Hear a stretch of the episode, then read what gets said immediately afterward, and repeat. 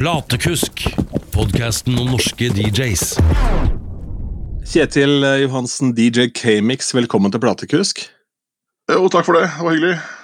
Det har jo blitt eh, noen år bak eh, spakene. Jeg må jo aller først starte med å si at eh, jeg tror du er den eneste DJ-en i Norge som kan bli name-droppa av både festminister og palmesus-gründer Heine Strømme og hiphop-legende Tage Slettmoen, White Shadow. ja, Det er jo funny å høre. da. Det er morsomt. Ja, Sistnevnte da i podkasten, fenomenale podkasten DJ Konkret, én av fem, hvor Tage dro fram deg da som et av eksemplene. og Det er jo gøy, for du har jo hatt en fot i begge leirer, for å si det mildt. Ja, altså jeg kjente jo Tage godt på i gamle dager. Vi har jo litt kontakt enda sånn av og til, sånn en liten melding her og der. og sånn. Ikke så voldsomt mye, men det er, det er jo hyggelig. Jeg tenkte sånn, Hvis du kjører forbi Geilo, så må du så stikke innom og si hei. Mm, ja, ikke sant. Men la oss gå tilbake til starten. av Når er det du først ja, begynte å Du gjorde jo turntablism også, var jo med DMC og greier. Men ta, hvordan starta din karriere og din, altså din DJ-reise? da? Starta på fritidsklubben på Buer skole liksom, da jeg var fjerde-femte klasse. Jeg syntes det så jævla kult ut, det de gutta holdt på med borti det hjørnet med, anlegget. Og så tenkte jeg at faen, for å komme meg inn her, så må jeg jo ha med meg noe som ikke de andre har. Så jeg, neste gang jeg var der, så pakka jeg bagen full av plater, og, eller skolesekken full av plater og tok med det bort. Og sa kan dere ikke spille det her isteden? Og så til slutt så fikk jeg lov å trykke play, jeg òg.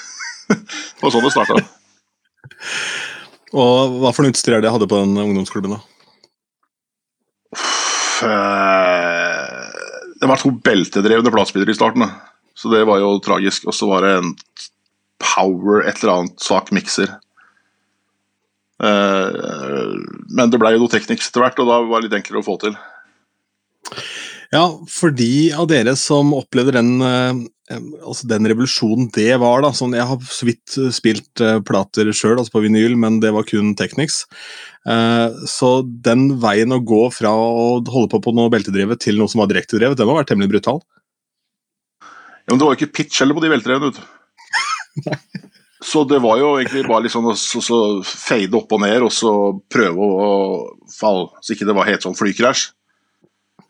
Uh, men så fikk de tak i noen Kenwood-spillere med pitch på, men de var jo plastikk, så hvis det var litt bass, så var det jo brum, Så brumma jo hele lokalet. Var ingen som skjønte tenker... noe hva feedback var, de hadde ikke peiling. Jeg tenker jo kanskje det at ikke den samme produsenten som lager blenderen din, skal lage platespilleren du DJ på, liksom. Ja, men DJ Ken Wood, han er konge, han.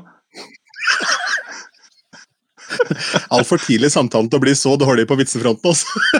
ja, men Har ikke, har ikke Trym fortalt deg det? Nei, hva kjør. De hadde en sånn, der, sånn på Radio Grenland eller Radio 3 eller hva han spilte på her nede, så, så hadde de sånn CD-spiller-magasin fra Kenwood som spilte på natta. Så på natta spilte DJ Ken Wood hele, hele tida. Den er ikke dum. Nede i Østfold hvor jeg kom fra, så var det DJ Panasonic. Ja, ikke sant? Ja, samme greia, det. Ja, nettopp. Der kan du se. Men ja, ja det ble teknisk etter hvert. Hvordan ja, også... ender man opp med å bruke så mye tid på det at man kan representere Norge i Europamesterskapet i DMC?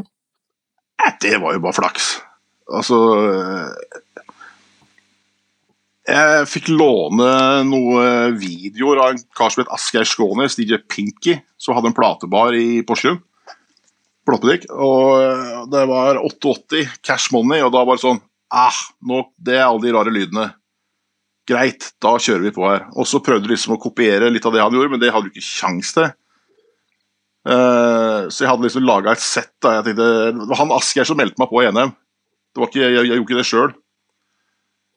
Så uh, jeg hadde liksom laga et sett som var klart for å være med der.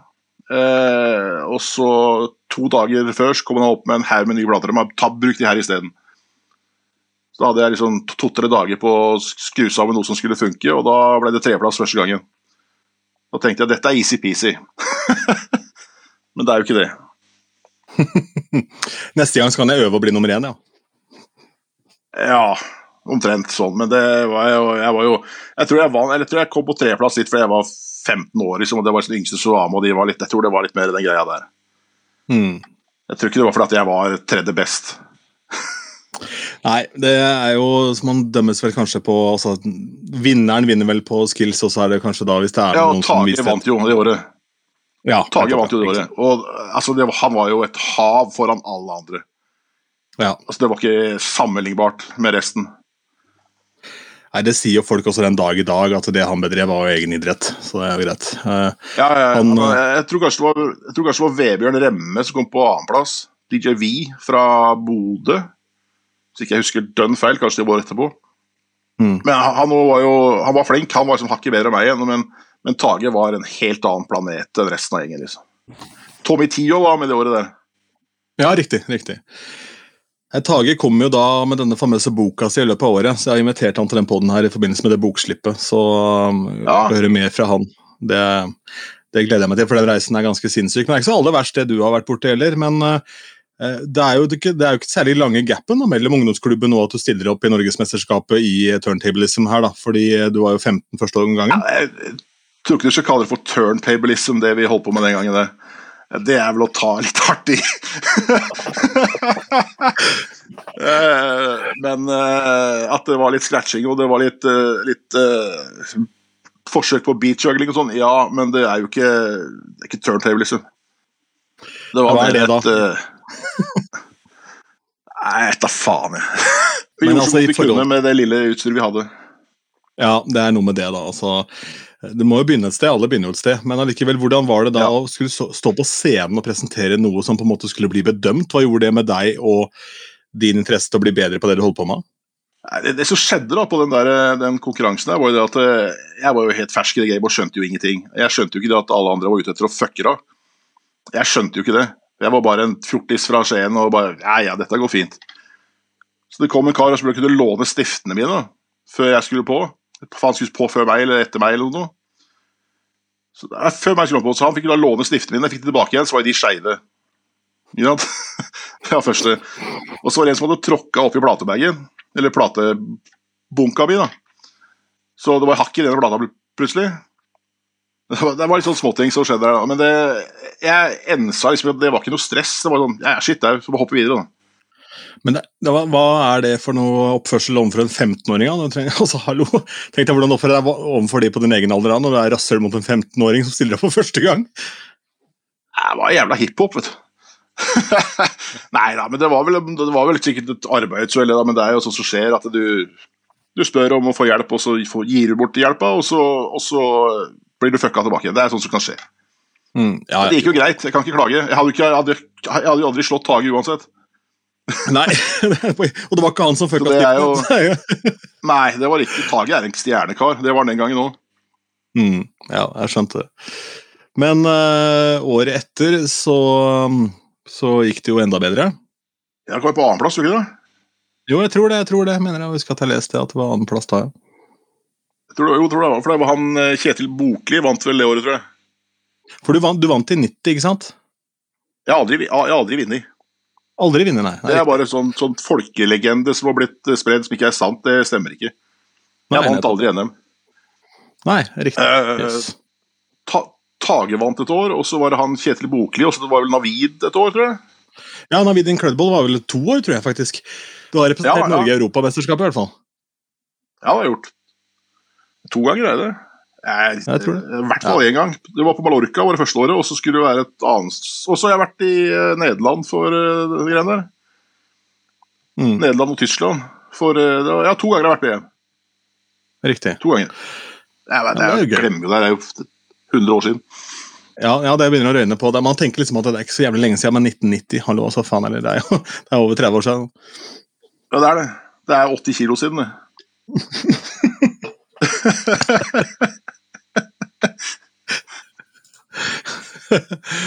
Oi, oi, oi. 300 000 jegershots. Eh, 300 000 jegershots. ja, man kan regne aldri i mange forskjellige former og fasonger, Altså. Um, Kan det.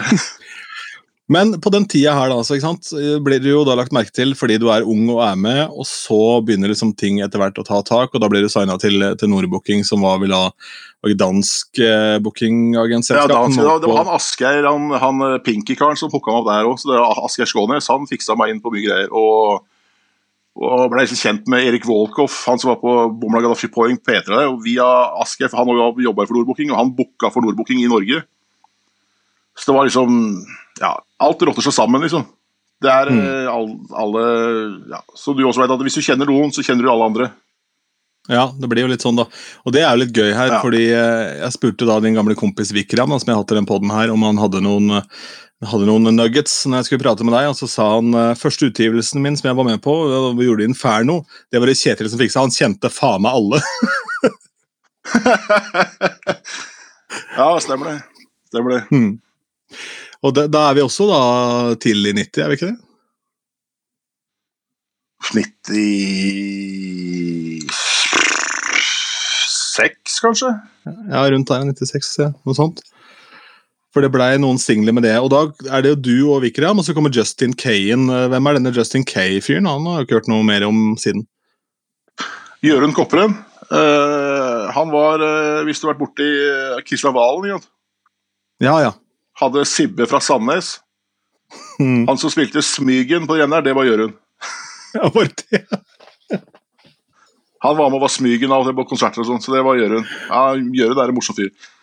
Eh, og så hadde han et eh, produksjonsselskap type sånn for sketsjer, radioreklame, sammen med et par andre folk. Og De hadde et ganske greit studio. Så det var jævla mye enklere for oss å jobbe der enn å dra ut i det stabburet som Prins satt i. Da. For han eh, jobba i et stabbur som uh, var han fra Morten Husker du bandet som het Too Brave? Nei. De hadde et par hits på da, slutten av 80-tallet, begynnelsen av 90-tallet. De, de, hadde det studio som Prins jobba i. Beste, da. Så De mm. første låtene vi laga, laga vi der ute sammen. Eller for å si det sånn, Prins laga låtene. Eh, for han hadde jo svart belte i det, det, det utstyret. Hvis jeg prøvde å ta på sampleren, så da Nei, nei, nei, ikke gjør det! Du må ikke trykke feil, vet du! Ja. Hekkan, mann, hold du på med?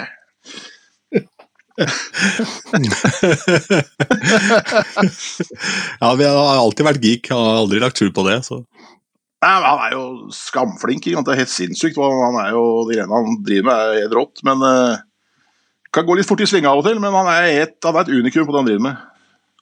Ja, ja, det var jo helt åpenbart at dere fikk en bra connection, da, og skapte jo da altså, Som jeg sa i praten med han også, Got to have den står seg jo den dag i dag. Det er jo en banger fra helvete. Det var lenge siden jeg hadde hørt den, men så var det sånn fikk ned den på ja, Dette er et ordentlig profesjonelt headset jeg har på her. Fikk vatta opp lyden litt skikkelig her, så godt, det, altså.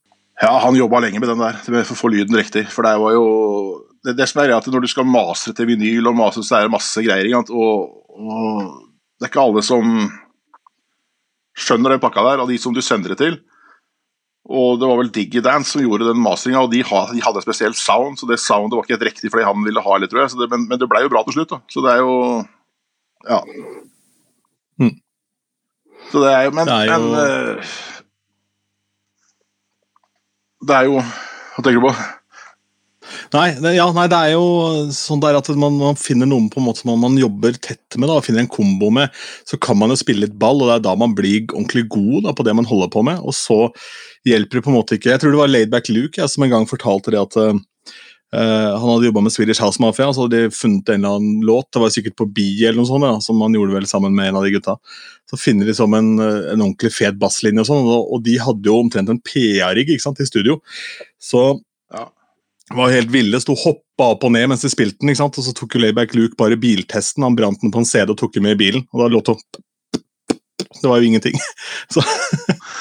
Nei, jeg går på noen smeller der òg, men det er liksom at når det låter bra i bilen, så låter det stort sett greit overalt. Det er liksom det Det det er, det er en av testene, det. Mm. Helt klart. Det er ingen tvil om det, men da er vi, ja, og da er du med Nordbooking. Da reiser du Norge rundt. da, fordi altså, Hvordan fungerte det å bli booka som DJ nå, eller på den tida? altså Hvordan så liksom, klubbmarkedet i Norge ut da, eh, sånn tidlig 90-tallet til midten av 90-tallet rundt der? Jeg følte det var mye større, det var mye mer, mer klubber og mye mer å velge i. Liksom. Men det er jo, når du er fjortis, så er det ikke så lett å få de kuleste jobbene. da.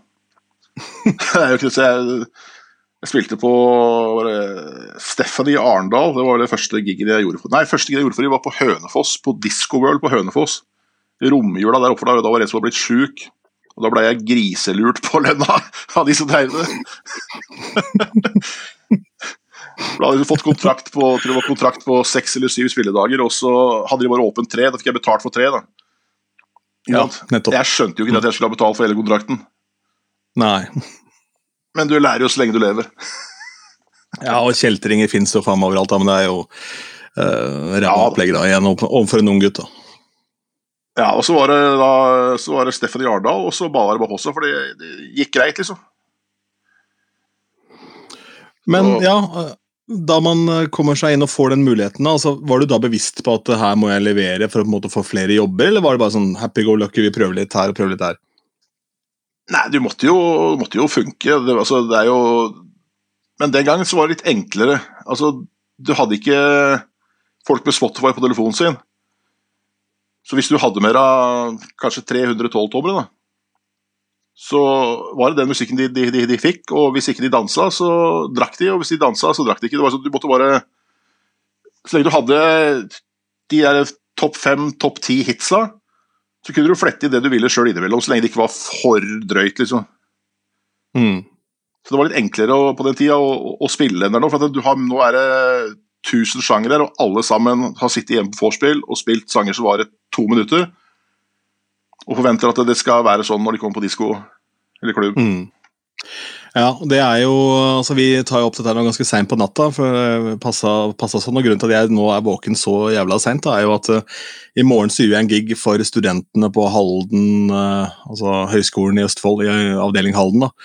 Og det er ikke jobber jeg gjør jævlig ofte, og da tenker jeg sånn, faen eller, da må jeg i hvert fall forberede meg litt grann her på hva de er gira på nå. Men den gang da så var DJ-yrket egentlig ganske annerledes enn nå, fordi da var det jo DJ-ens jobb å presentere ny musikk og kul musikk. Det handla om musikken du hadde. Mens nå så handler det om å plukke de kule låtene ut ifra all musikk i hele jævla verden som er tilgjengelig. Ja, altså, ting var Det var mye mindre utgivelser av musikk. For det, det var jo noen som satt og bestemte hvem som skulle få lov å gi plater. Nå kan jo alle betale en eller annen sånn her eh, distribusjonssak, og så får de på Spotify, og så er det ute. Det er ikke noe og Jeg syns det er greit at folk skal få lov å utfolde seg, det er helt kult. Men det er, det er ikke noe kvalitetskrav uh, lenger. Er det er kanskje litt klønete å si, men det er, det er jo sånn det er mye rart som kommer ut som ikke hadde trengt å vært der. Ja, det, er- det er helt klart. Altså, det, er ikke, det er ikke en menneskerett å gi ut musikk, egentlig. Og Det er ikke sånn, det blir jo litt samme som kompisen min sa, det er et eller annet gærent med verden når det er billigere enn å kjøpe VG på lørdag og fly til en destinasjon med Ryanair. Da skjønner du at verden ikke ser helt bra ut. liksom. Ja, det er jo det bør, det bør jo gjerne være en litt større Hva skal jeg si Det kunne gjerne vært en eh, Kall det en eh, ja, en Urørt, da. Sånn som i NRK Urørt, hvor man har mulighet til å laste opp musikken sin, men at alt skal være tilgjengelig for absolutt alle.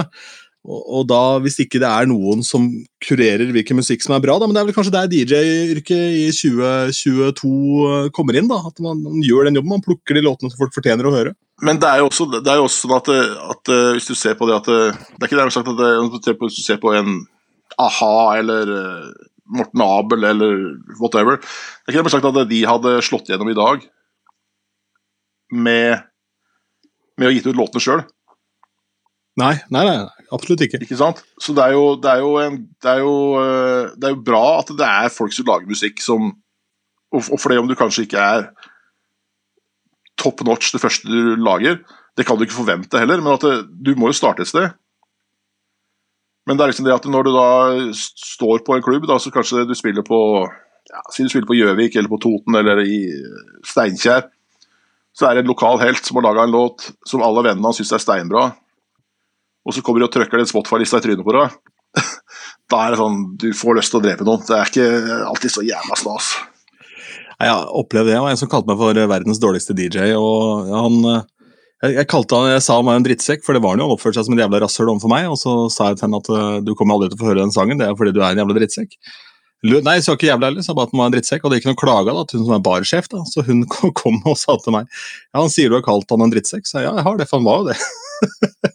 Men da var det en eller annen loka, lokal pokal eh, oppi der. Var, dette var i Elverum, der var det militærleir. Så det var da sant, noen skulle høre en sang. Og det gikk en, så hadde den 6000 spins da, på Spotify. Jeg kan ikke spille den da på Elverum, sant? for faen, det er jo ingen som har hørt den. Nei, nei, det er liksom det, men det er vanskelig å forklare det til en kar som eh, har hatt seg et par for mye, og så skal forklare det at dette er det beste som fins. Det er ikke så lett å forklare at de forstår. for at det, i, I deres hode så er den låta helt kanon, og alle Mm. liker den låta, men når du har kanskje 500 mennesker i lokalet som aldri har hørt den før, så kan det fort gå gærent. Helt klart. Helt klart.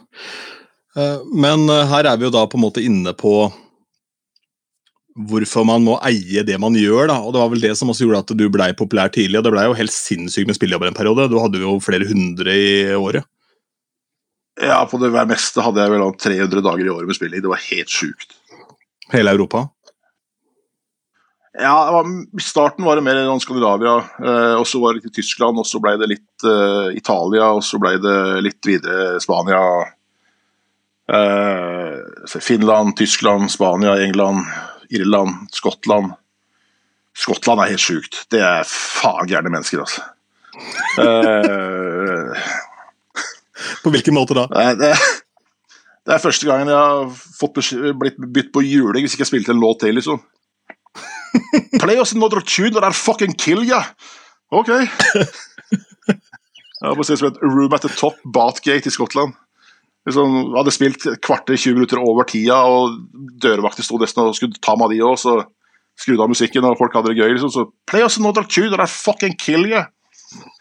Det var samme kveld jeg snudde meg rundt ned for å finne en låt i platebagen. Så når jeg snudde meg rundt igjen skulle legge på skiva, så lå det to Ecstasy på platespilleren. det, var, det var bra klubb. Og Det er sånn der, det hender det at eh, jeg opplever det samme, så jeg snur meg rundt, og så plutselig er det noen som har gitt meg tips. Eh, ikke så jævla mye nå lenger, for det finnes jo ikke cash eh, og- og- i omdripp, eh, i omløp. Men sånn var det i Skottland. Var to ecstasy som lå der. Ja. Takk, takk for låta. Ja, Han mente at det var takk for jobben. Du, jeg spilte Toller i hvitt Dawn for han i løpet av kvelden, og da var han happy, så da fikk jeg parere han. Jeg lot det glatt ligge igjen. da, for å si det sånn. Jeg kan, kunne ikke ha de lomma gjennom tolv. Nei, nei, det er for så vidt sant. Men uh, det er jo helt riktig, der. helt riktig låt å, å gi to eh, air-forhold, da, for så vidt. Ja, det var sånn Get out of jail free card. Det hvis du spilte på litt de, de hardere klubbene, så var det, den var bankers. Altså, Den låta eh, er jo en av veldig veldig, veldig få hardhouse-låter jeg også på en måte har i mitt repertoar. sånn av, eh, Hvis jeg spiller litt party-ting med gjerne noen som var på din, det første stedet hvor jeg var resident, da, tilbake sånn 99-2000, 2000-2003, den perioden der. Og du kan liksom gå tilbake og spille clubbeds og spille gamle, gode låter. da? Og så kan du dra på mot slutta med The Dawn, og da er det takk for maten. altså. Ja, det er, det er kongelåt, det. Det river ned brakka ganske kjapt på, på, på, på det rette stedet. Absolutt. Nå håper jeg det at de som ikke har hørt den, jeg skal legge en link her under eh, her til den låta, for det er faen meg en banger. ass. Den er helt sinnssyk. Um, men eh, da, ja, dere gir jo ut musikk og jobber en del sammen, og så eh, hvordan Når skjønte du på en måte at det her kom til å ta av? Sånn at, kom å, at du kom til å bli en DJ som skulle spille 200-300 jobber i året? Jeg må jo si at Mange av de jobbene var på samme stedet. da. Jans, det var ikke, jeg reiste, hadde ikke 300 reisedøgn, liksom.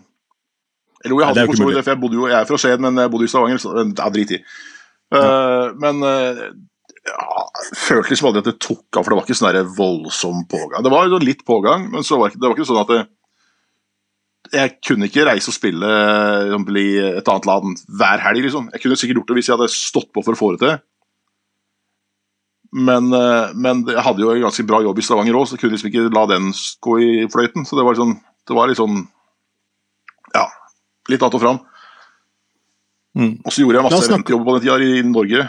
Masse Ja, eventjobber. la, ja, ja, la oss snakke om Stavanger, da. fordi Stavanger har jo hatt et hinsides bra klubbmiljø. Det er mye bra jokes derfra òg.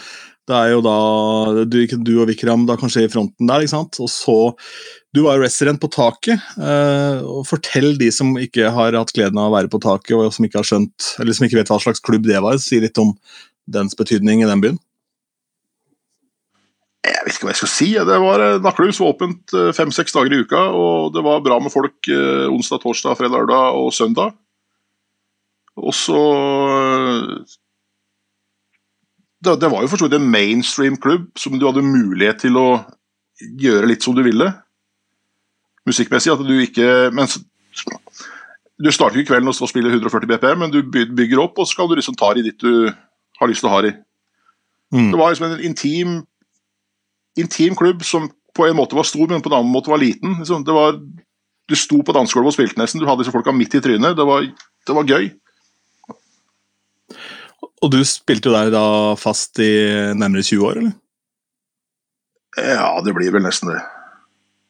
94 var det første gang jeg var der borte. Og så var det litt attåt var, var jeg, jeg skulle ikke være der en måned, så ble jeg tre eller fire, tror jeg. Og så var jeg tilbake til Oslo på Barokk. Så for det, Klas Hågedal spilte på Baron Baronessen, og han skulle inn på Barokk etterpå. Men så vil ha meg som en buffer der mellom de som har vært der før. Så jeg var der, jeg tror jeg var der i seks måneder jeg spilte før han kom inn etterpå. For da kom han på en måte litt dekka bord, så han visste at da var ikke noe stress for han. liksom. Mm. Barokk Hvordan... er som Lavvo ligger nå, hvis folk ikke vet hvor det er. Ja, det stemmer. det. Lavvo ja, og gamle onkel Donald. Ja, Barokk var jo der før, i gamle dager. Mm. Gamle eh, dager. Uh, gamle, gamle dager, ja. Um, når man er resident da, på et sted over så lang tid, hvordan unngår man at man blir eh, forutsigbar? Kjøp musikk.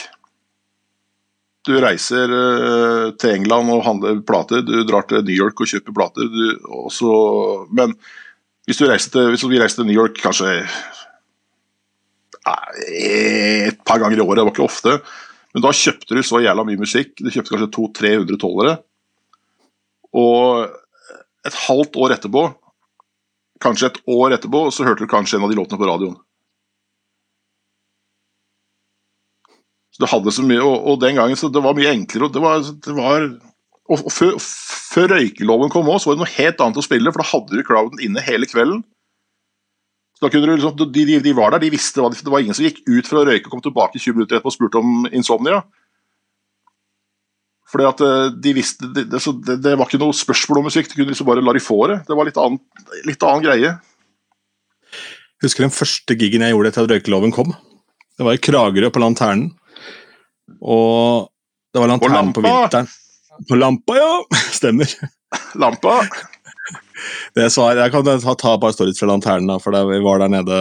og Det var første jeg gjorde residency der eh, noen uker en sommer. og Da kom han som var min mentor i sin tid, Arild Jørgensen, kom ned med båt fra Oslo sammen med noen kompiser. Og Kragerø på sommerstid er jo en litt annen by enn Kragerø på vinterstid. En helt annen by, faktisk. Ja. Også et litt annet behov for politi i sommerstid. og Det betyr at det er en del politistudenter som er på jobb der, og noen av de er jo litt ålreite å se på. da. Så jeg opplevde ganske mange ganger på vei hjem derfra at folk eh, ringte fra sånn telefonkiosk og, og, og, meldte fra om fiktivt bråk. Bare for det skulle komme noen fine politidamer de kunne kikke på. Kragerø ja, Jeg har spilt på Lanternen, jeg òg. Ja, det tror jeg vel eh, og omtrent alle har gjort det på et tidspunkt. Men det var jævla spesielt, for da var man jo også da lydtekniker for noe standup. Uh, husker jeg da jeg var der først, før man begynte å spille. Så var det lydtekniker for noe standup, så fikk du en pizza, og så spilte du på kvelden. Uh, og det var Kjetil og Kjartan som hadde show på taket der. Uh, da jeg var der nede, og da husker jeg, da ringer telefonen til ei på første rad. Og så tar enten Kjetil eller Kjartan bare tar telefonen og sier 'hva heter du?' Og hun sier 'jeg heter Mari'. Så tar han da og plukker opp røret og sier 'Mari kan ikke svare nå, for hun har kukken min i kjeften'. Og så la han på. og, det, og, det, var mora hennes som ringte da. Så. Fantastisk. Det er jo en høydare. Ja, nei, det var jo det var classy. Det var, resten av showet var ganske ræva, faktisk. Så akkurat den sekvensen var bra. Men i hvert fall da, det var første gigen, det var vinterstid. første gigen jeg hadde, For det var vel 1. januar eller sånn, da røykloven inntraff sikkert. Eh, og det var vinterstid da at jeg gjorde den gigen, og da var det jo ikke sånn spesielt mye folk eh, som var der. Og så lukter jeg en lukt da, som jeg aldri liksom har lukta før på utestedet, og så er det jo Er det jo en som har fisi, vet du. Ja, jeg satt og tenkte på det. Han lukter dritt, ja. Det, det en, han, han, var nesten aleine i lokalet, for det var tidlig på kvelden. Og det kom i hvert fall ikke noen folk i Kragerø, klokka var nærmere tolv. Så da står han omtrent aleine på dansegulvet og danser, og så ser jeg på og tenker Ja, for han står her og fjerter, ja. Ja ja, ok. Ja, nei, det, Utestedene lukta jo dritt og, og svette en stund. Det var ganske plagsomt. Ja, Vi blei vant til det på et vis. Det lukter vel neppe noe bedre nå, men uh, kanskje bare få på en eller annen heiser eller et eller annet med noe duft. Ja, det er en mulighet. Jeg husker vi gjorde det det på Barokk en gang. Skulle, det var, skulle, vi fikk beskjed om å fylle noe aftershave oppi det der røykeolja. Et eller annet eh, slag.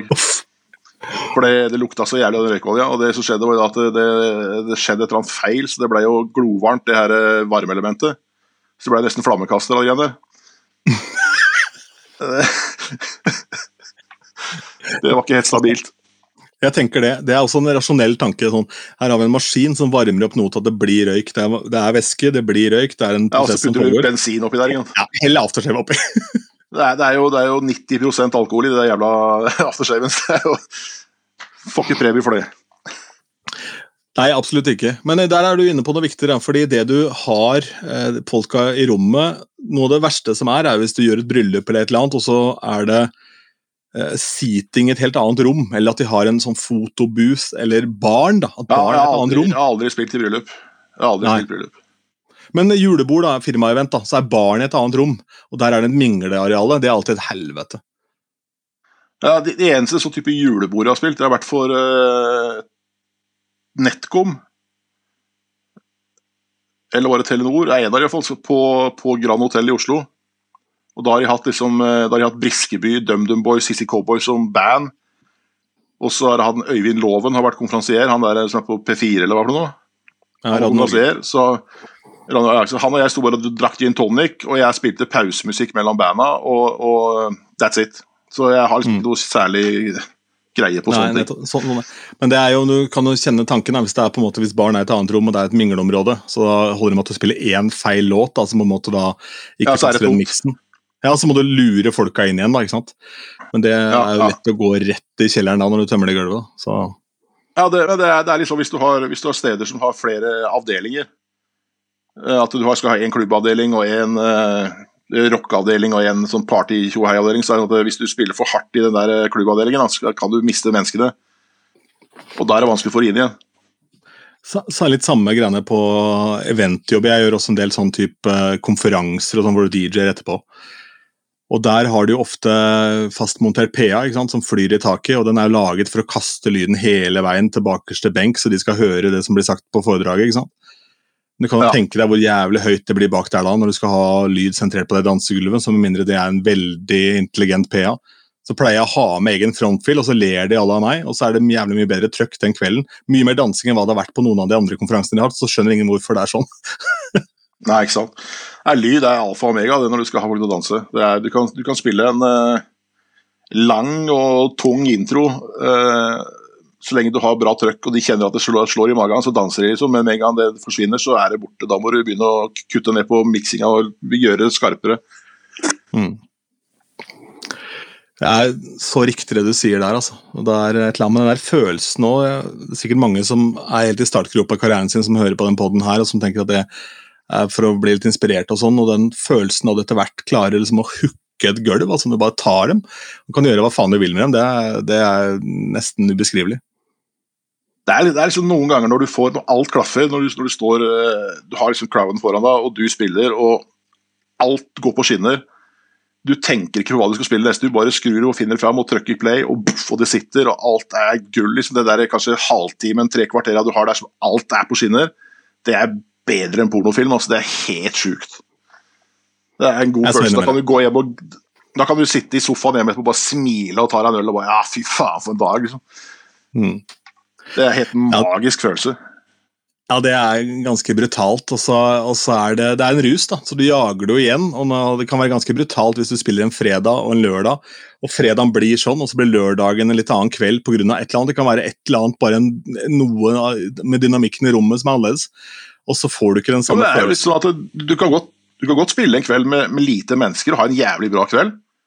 Fordi de folka som er der, er, er liksom klare for, for det du leverer, og da er det jo fett som faen. Det, er liksom, det, det som er jævla kjipt, er når du kommer inn og du kommer i Du har greit med folk, så har liksom veldig delt publikum. Og det ene delen vil ha klubbmusikk, andre delen vil ha singalong.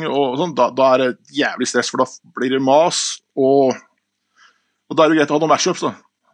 Mm. Med noe type det derre Avicii, eh, Levels og Journey, Don't Stop Believing, for eksempel. Ja, den er Det er jo en ganske fet ja. mash. Mm. Og, og det er jo get out of jail free card på sånne typer plasser. For Avicii har blitt såpass gammel nå at det er en klassiker. Mm. Så det er greit igjen, liksom. Ja, og så har jo den en country-temaet også, så den er på en måte litt mer akseptert i utgangspunktet. Ja.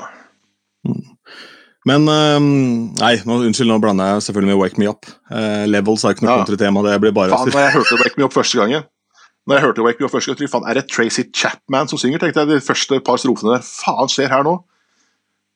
Men det var jo ikke det, heldigvis. Men jeg trodde det var det. Hva faen skjer? Jeg husker jeg satt med Ørjan Nilsen oppi, oppi Vi satt, jeg, jeg satt med Ørjan Nilsen oppi, oppi Kirkenes. Eh, Hva tror du det var? Vi skulle feire 30-årsdagen hans, men det var 31-årsdagen hans.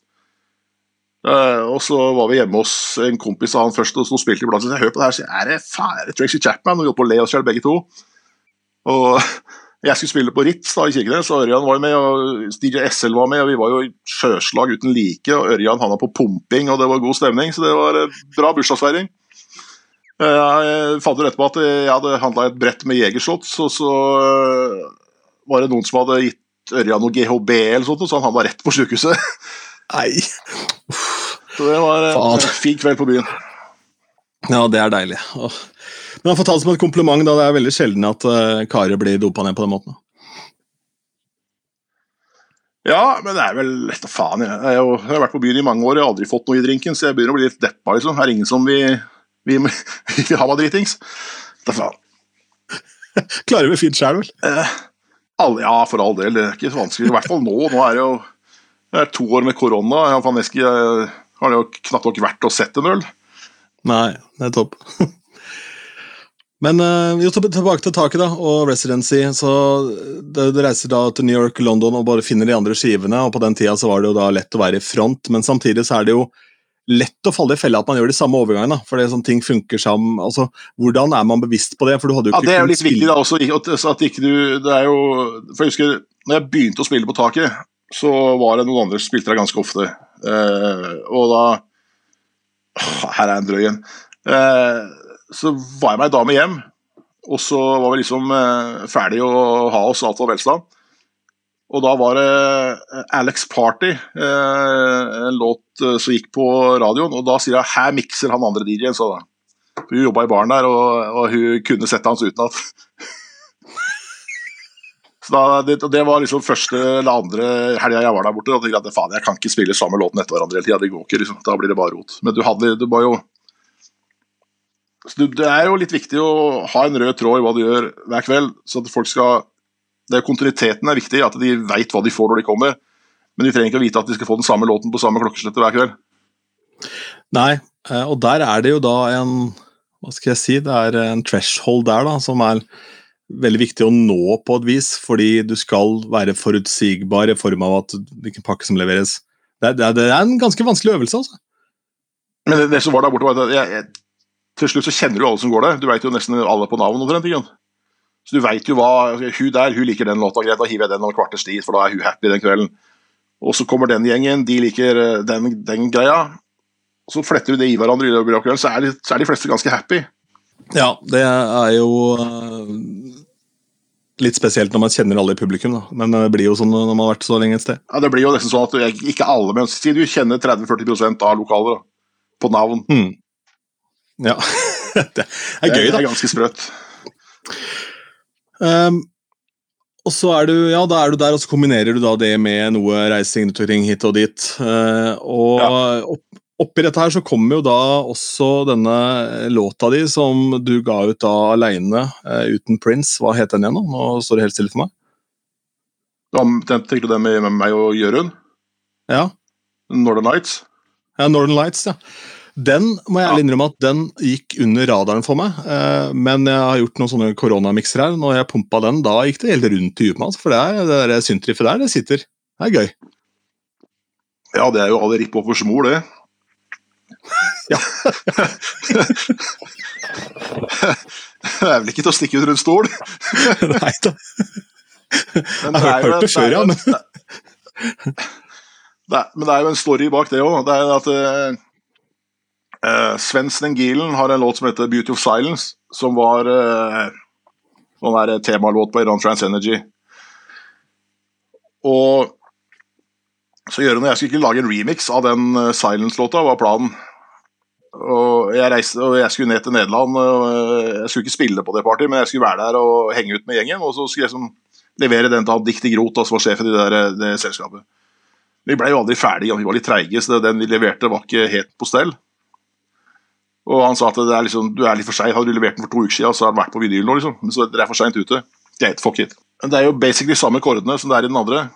Så vi satt liksom, jeg og Jørund satt i bilen til studio, og så kommer Toto på stereoen. Så sier Jørund faen, det er samme driten, jo. Skal vi bare gå ned og skifte om greia? Ja, vi gjør det. Og det var sånn det ble til. Så det er jo basically Det er vel nesten halvparten Toto og halvparten Southside Spinners. Ja. eh, sånn nesten. Men jeg uh, tenker at det er jo lov å bli inspirert, da. Og, altså Toto og Southside Spinners er ikke noe dårlig kombo, det. Nei da, men altså, det, det er jo Det er jo litt i, og med de her endingene og sånn, så men det er greit, det. Mm. Men altså, det er sinnssykt mye låter fra den tida der som ligna på hverandre. da, For det var jo på en måte noen som knakk en kode, og så ble andre inspirert, og så banka de det bare på, og så var det mye ja, av de samme ja, lydene. Jeg har, altså fått, jeg har fått tilsendt låter i ettertid da, som er sånn rip-off fra vår igjen. Ja. Det er sånn rip-off av en rip-off av en rip-off, så kommer det sånn Ja ja, greit, det. Kjør på. Og litt sånn, litt sånn som hvis man drikker appelsinnektar, så er det da konsentrat, ikke appelsiner, men appelsinjuice. jo, ja, det er litt sånn. Men det var jo mye i den tida der, den derre bare Team Deep, In The Morning Light, det er jo egentlig Amfetamin, heter den originallåta. Mm. Som Carl Cox spilte på uh, Mayday i Berlin i 94, 92. Mm. Tror jeg det var. Hvilke DJs er det du uh, har hørt på opp gjennom åra som er inspirerende for deg? Ja? Som på en måte har, uh, som du tenker at uh, her er det noe? Rundt Carl Cox, han er jo en type som Hvor gammel er han blitt nå? 60? Snart? Jeg veit ikke. Carl Cox, The, the Chocolate Buddha. Ja, han er en god mann. Carl Cox er jo sheriff. Men det jeg syns er kult med både han og, og Pete Tong og Pete Tong er kanskje ikke verdens beste klubb-DJ, men han er en god de, de, har, der, de har bakgrunn i musikk, alt fra Northern Soul og, og til sånn teknoen, liksom. De har alt. Det Pete Tong har, som veldig få andre har, det er en, en finger på pulsen kontinuerlig i gud veit hvor mange år. Altså Hvor mange ja. klubblåter den mannen har breaka. og altså, Jeg får gåsehud på stedet på kroppen. Jeg ikke visste det gikk an til å få gåsehud når jeg hører noen av de introduksjonene han har. og bare den, Han er the voice of house music, liksom. Ja, men, altså, men Danny Tenagli er vel egentlig han jeg syns er konge. Ja, for det er han som er som ofte spiller afterparty på Ultra, sånn som gjerne gjør sånn åtte timers sett. ikke sant? Han er jo helt klin kokos. Ja, ja, han er jo sheriff, han der. Det er jo helt gærent. Vi var, vi var, i New York uh, det er jo mange mange år siden. Da hadde han uh, bursdagsparty på Twilo. Og Basement Jacks var surprise act før de var famous i Europa. Det var, det var god stemning. Det vil jeg tro. Basement Jacks er surprise act, ja. For han var amerikaner, han, ikke det? Eller er amerikaner? Jo, han er fra, fra, New York. Eller Brooklyn, ja. eller noe. Det. Han spilte han på Tunnel og Twilo, så er jo, han er jo the man. For han gjorde en sånn helt sinnssyk remix, var et av mine favorittband. Deppers Mode. I Feel Load, var det vel. Ja, som han gjorde, ja. Stemmer. Ja, det var vel 2000-ish, det, tenker jeg. Ja, det 2001, var nok rundt kanskje? der. 2001, tenker jeg, ja. For det stemmer vel med den skiva, ja. ja. Mm. For det kan liksom, tror jeg det var liksom soundtracket på Ibiza, det, var, det var den, og så var det Finally. Ja. Han har kanskje også gjort en remix på det, hvis ikke jeg har tatt dønn feil. Uh, det er mulig, jeg er ikke sikker. Og året før så var det jo var det vel uh, det er, er det Superman Lover, nei, Supreme Lovers. Det er, den som var sånn Rema-reklame for en stund siden. Starlight, ja. Superman Lovers, ja. Starlight, ja. Den og, og Lady spiller Groovejet var året før. Det var liksom det mm. gikk overalt der nede. Hvordan eh, da, da, jeg, da jeg begynte i radio, sånn, det er tilbake sånn 2003-2003-ish, ikke sant?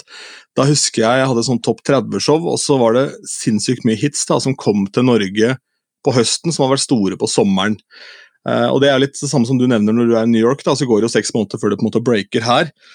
Den overgangen til sånn verden ser ut nå, hvor det går litt fortere, er det bra eller dårlig, tror du? Det kan vel være litt begge deler, egentlig. Altså, men det er jo, det er jo altså, Klubbmusikken breaker jo ikke på samme måten Den breaker på samme måten fremdeles. Liksom. Ja, og reinspikka klubbhits. Hvis, hvis, hvis, du, hvis, du, hvis, du tenker, hvis, du, hvis du ikke tenker type sånn Ultra og, og uh, Tomorrowland, som er veldig veldig kommers uh, greier. Men, men på uh, Tomorrowland er jo en fantastisk bra festival, for du kan gå vekk fra mainstage. kan du gå på teknoteltet til Carl Gox, Du kan liksom gå på sånne greier. Og det er det på Ultra, men mainstage-pakke er ofte veldig, veldig kommers. Og det, det, jo, Skal du samle 130 000-40 000 mennesker, så må du jo være innafor et spekter. Helt klart, men det er jo bredden som gjør det spennende. da. Men, men uh, hvis du tenker på mange av de låtene som blir spilt på, på, på Circolocco eller eh, sånne typer plasser, så er jo det litt mer dypere og tyngre ting. Så på Jeger i Oslo, for eksempel, at den, den, musikken som blir spilt på Jeger, tror jeg aldri kommer til å bli spilt på Lavvo. Nei. Så lenge de ikke kjører en sånn retrokveld eller noe. Ja, ja, ja. ja, ja. ja. ja nettopp. Det er egentlig to um, to altså, hvis, hvis, jeg, jeg, jeg, tror ikke Jiha kan stå og spille Det han spiller på Jeger, er jo helt fantastisk bra. Når han er i støtet, så er det helt konge å være det. Og, øh, men den hadde ikke funka på lavvo, liksom. Nei. Det er jo litt sånn gøy egentlig å tenke på at det er to vidt forskjellige løp. Det er nesten to forskjellige yrker å være DJ, som Jiha er DJ, og en som gjør kommersielle ting, da, som må forholde seg til trender på en helt annen måte, fordi ja, ja, man, er begge, helt, uh... man er begge kuratorer, men samtidig så er det et eller annet med det at uh, de få som klarer å fange sitt eget publikum og sin egen greie, da, uh, de har jo en helt annen jobb, men de har vært temmelig ræva det hvis de skulle gå og spille bare hits, tror jeg. ja, ja, jo, men det er, det er sånn at, at alt, er, alt, er, sin tid, alt er sitt sted. Liksom. Det er jo Skal du spille på et bryllup på Toten, så, så kan du ikke forvente at du skal stå og spille tekno. Eller spille trans. Ja, da må du jo spille litt slegere, litt hits, litt uh, gamle låter, kanskje en rockelåt innimellom. For du skal jo, det er jo folk fra 13 til 130, kanskje. I hvert fall. Men hvordan uh, klarer man å holde seg fresh da man står og spiller hits? da? Altså, er, uh, hvis du har noen tips til hva som er hvordan man skal ende opp med å ikke føle at ting blir kjedelig, og gjøre som han DJ-en som bartenderen kjente henne at miksa på samme tidspunkt hver gang? Nei, det, du må jo, det er jo miksinga, da. Også hvordan du setter sammen låtene. Det er jo det som er greia. at Du kan spille Hvis du gir deg 20 låter, meg 20 låter, Vikram 20 låter, de har 20 låter, de samme låtene, så vil du få fire vidt forskjellige fremføringer av de låtene, sannsynligvis. Ja. Og Så lenge du kan sette ditt eget preg på greia som gjør at eh, folk skjønner at det er noe annet enn bare en del jukebox, så har du kommet et lite stykke. Mener jeg, da, men jeg vet ikke om jeg kan jo ta feil. Ja, Jeg også føler det nå at uh, man får en helt annen kred hvis man viser at man for det første gjør noe. Uh, og jeg har referert mye til den tolv regler innenfor DJ-ing som Jazzy Jeff har i forbindelse med et kurs han har laget. Da. Men en av de er vær åpen med publikum om hva du holder på med.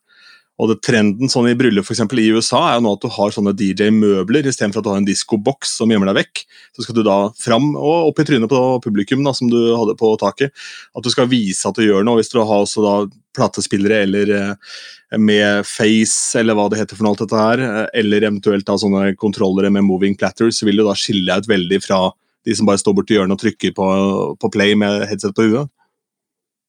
Jo, men det var sånn, eh, når jeg begynte å spille ute, da sto det i hjørnet. Da, var, da, skulle det helst ikke være noe til bry. Da skulle det bare være musikk. Det var ikke noe annet at da, var, Jeg likte det, for da kunne du stå i hjørnet og spille hva faen du ville så lenge folk dansa. Og ingen visste helt hvor du var. Så det var liksom ikke noe stress. Når jeg spilte på Gatsby i Skien, så var det, der så du langt inn i et hjørne, og så var barnet i helt andre enden, og så var det dansegulvet rett foran deg. Men, men, det var liksom de var så brisende at de la ikke merke til at du sto der. De bare, Hvis de hørte Eye of the Tiger, så var alt greit, liksom. Så bare en stri strøm av jegershot som bare forsvant over dansegulvet borti hjørnet der. Nei, det var litt før det. Det var, var 15-16 år i tida der, så det Å, ja. var litt tidlig da. Ja, det var sånn der kjeft, da. Sånn der barnedrikk, da. Det var vel heller eh, vodka Traneberghus, nei, vodka Heter det jo alltid drakk i Sverige? ja, Vodka Russian. Vodka Russian, ja. Vodka Russian. Vodka var på den tida der. Det var den store, da. Og Galliano-shots. Å, fytti faen. Å, fy faen i helvete. Uff. Å, Ja, det det må vi en unngå. liten renessanse. Jeg så det hadde vært en liten sånn, det var I Stavanger så var det noe sånn Galliano-shot-konkurranse, lage shot kjappest-opplegg. Så de, de prøver å få en renessanse på Gallianoen, tror jeg. Galliano skal bli hipt igjen, ja. Nei, da, må vi, da tror jeg vi må legge Uff. ned verden, rett og slett. Uh, Ja, det er Men- ikke trist, altså. Du gjorde jo også uh, mye bookinger og hadde jo sånne egne klubbkvelder hvor du henta inn Jeg nevnte Johan Gielen, er jo, har blitt en god kompis av deg. Ja, ja, jeg er venner med hele gjengen. Så det, det Jeg hadde booka Tiesto, eh, Johan Gielen Det var jævla funny, for det var jo jeg hadde, var jo Tiesto ble jeg kjent med først av de, de gutta der. Så Tiesto ga nummeret mitt til Johan, så Johan måtte ringe, ringe meg. da. Og han ringte meg om morgenen, og jeg var jo bakfull som faen. og nå eh, jeg får ringe meg opp seinere, jeg er bakfull, snakkes liksom. Så han var litt stressa, lurte på faen for en gærning det her var. og Første dagen han kom der, så satte vi fram tror det var 20 vodka tranebær til ham, for det skulle han ha. Han ville ha han likte vodka tranebær, så fikk han 20 stykker med en gang. Da tok han telefonen, så ringte han til Gjesto. Er det, er det, er de helt gærne her oppe, eller? Så sa Tiesto ja, de er klin kokos, det bare kjør på. Men det var jo en artig tid, det der, altså, for nå er vi jo da på en måte Nei, vi hadde, ja, vi hadde, så, tror jeg vi hadde uh, Johan, Tiesto, Misha uh, Helsåt, ja. Ja, uh, med andre var da. Barthes, var det det? Nei, han kom aldri, han var sjuk. Ja, vel, her var de der Sean, uh, selvfølgelig. Sånn, ja. Eh, og så på samme tida så spilte jeg på alle de Zapp-partyene som var, hvis du husker det. Ja, det? Ringnes hadde en sånn ungdomsgreie som, eh, som var ja, arrangert av JCP, eh, vennfirmaet i Oslo, så de styrte det. Og da spilte jeg nesten alle de partyene, og der var jo alle, hele den gjengen. Misha, Core, Core Fineman, uh, José, Lock and Load, uh. Clubheads. Ja, men han, eh, det var Prins som hadde det party på der det spilte på i Stavanger. Under Ja, stemmer det. hadde det Prins Ja, arrangerte det. riktig. Eh, Ja. For det, han jobba jo med Dess på Mallorca. Ja. Eh, P spilte vel inn på Titos i, i Palma, og, og Dess var på BCM, så det var sånn det, Dess er en bra mann, han òg. Altså. En fin fyr, han. Ja, men Welcome to Dance er jo en banger fra helvete. Da. Ja, hvis du, Har du lest bakpå plata, eller? Nei, det har jeg ikke faktisk. Nei, ok. Det er vel Gillen og Sven Mes det som er har skrudd den. Ja, det, det er vel det, ja. De hadde fingra borti mye de på den tida. Det er jo Og, og den, den, Welcome to Dance er jo en rip-off. Det er jo det der dun, dun, dun, dun, dun, dun, dun. Det der greiene der, det er jo Alcatraz. Gimme Love. Ja, det er veldig rått, ja. Men altså, hva skal han si? av alt det? altså, Skal vi begynne å snakke om rip-off, så kan du ikke høre på noe musikk som kommer i dag, da. Nei, du kan jo ikke det.